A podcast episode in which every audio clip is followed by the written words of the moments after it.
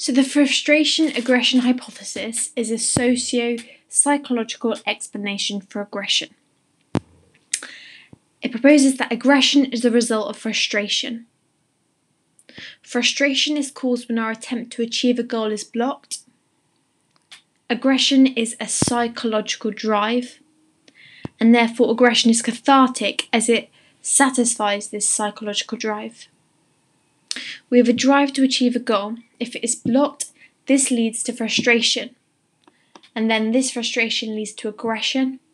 And this aggression is ultimately cathartic. Our frustration is greatest when our motivation to achieve a goal is high. We expect gratification, and there is nothing we can do about it. The displacement hypothesis states that we cannot direct aggression onto our source of frustration then we direct it onto a weaker available alternative for catharsis to occur, such as a dog. A key study for the AO1 of frustration aggression hypothesis is the significance of environmental cues by Berkowitz. He had participants receive electric shocks to increase their aggression levels. He then had participants asked to shock Confederate as a means of assessing aggression there were two independent groups, or a control group and a, the group, and in the presence of gun, the, the participants used a higher voltage than control.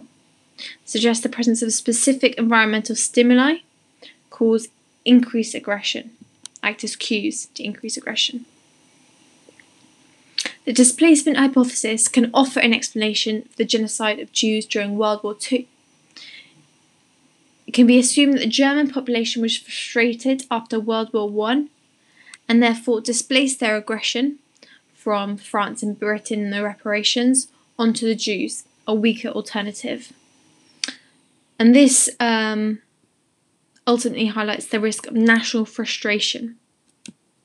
However, um, frustration aggression hypothesis can be strongly supported by Green, who manipulated frustration levels using jigsaws. There was either a missing piece, Confederate interfered, or Confederate inf- insulted the participant, which is assumed to be the highest frustration group. Participants were then asked to give the Confederate an electric shock as a means of assessing aggression.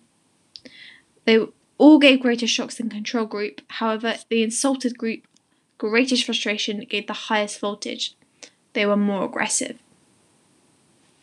Evidence for catharsis can be contradicted by the fact there is little research support, and more recently, re- psychologists have suggested that ag- aggression only results in more aggression because aggressive thoughts are kept active in memory. Additionally, um, there's a lack of appreciation for other aversive stimuli because it's not just frustration that causes aggression, temperature, pain, and jealousy. In a US baseball game, increasing temperature led to more aggressive behaviour, such as aiming for the head.